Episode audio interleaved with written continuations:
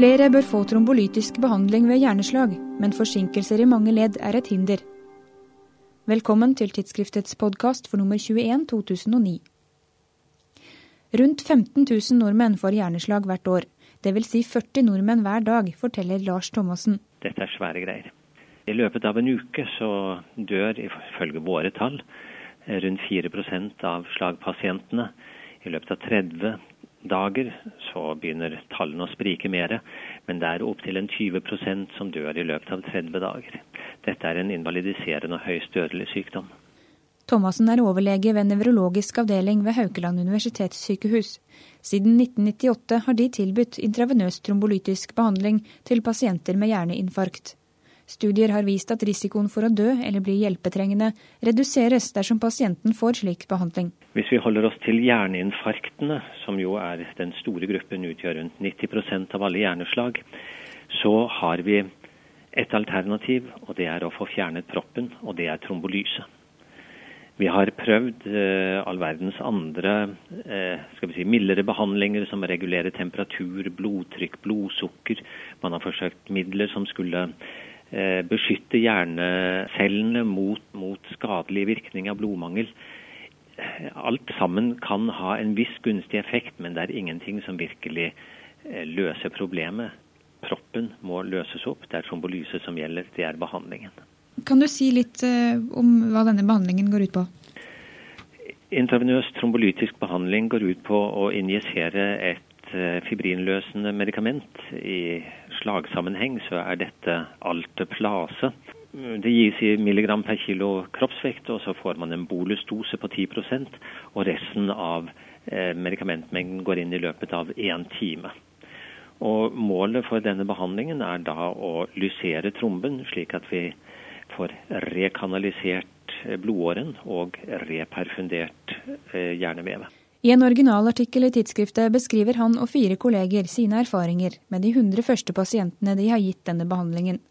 De har undersøkt demografiske data, risikofaktorer, tidsaspekter, kliniske korttids- og langtidsresultater og komplikasjoner. Det som eh, viser seg, er jo for det første at trombolyse er trygt.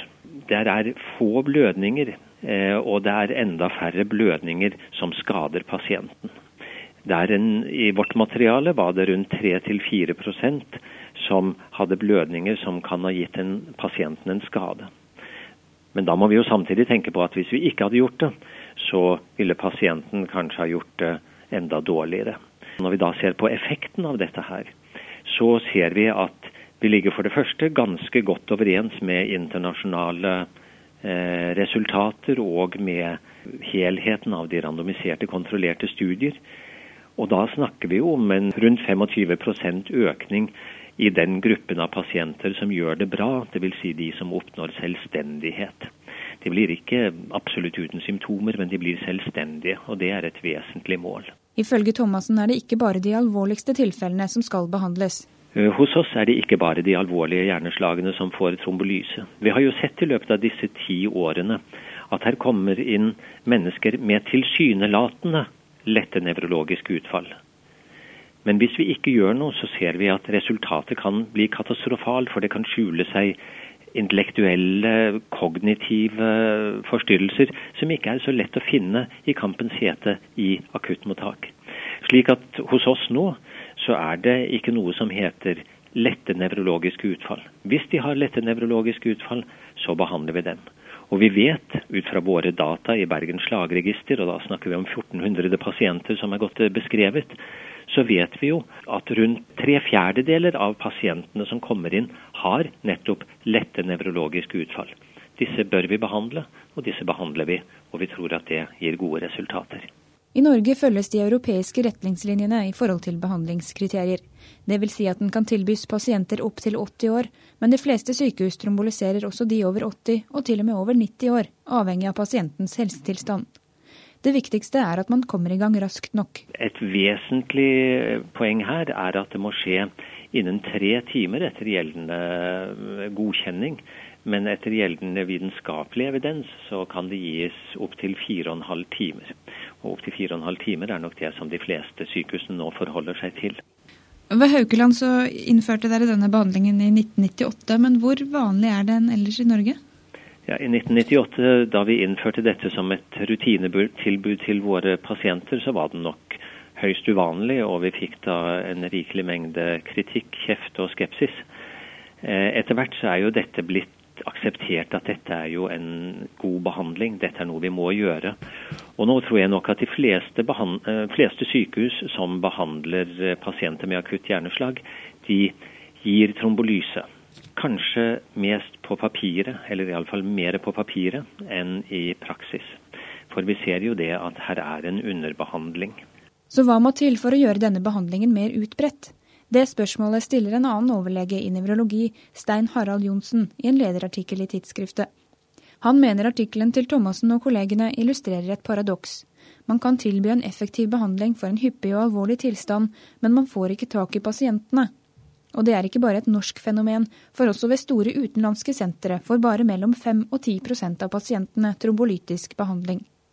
Johnsen mener det er flere forhold som forklarer de lave tallene, bl.a. at mange har ventet på dokumentasjon på at behandlingen er sikker. Men det største hinderet mener han er tiden det tar før pasienten når slagenheten.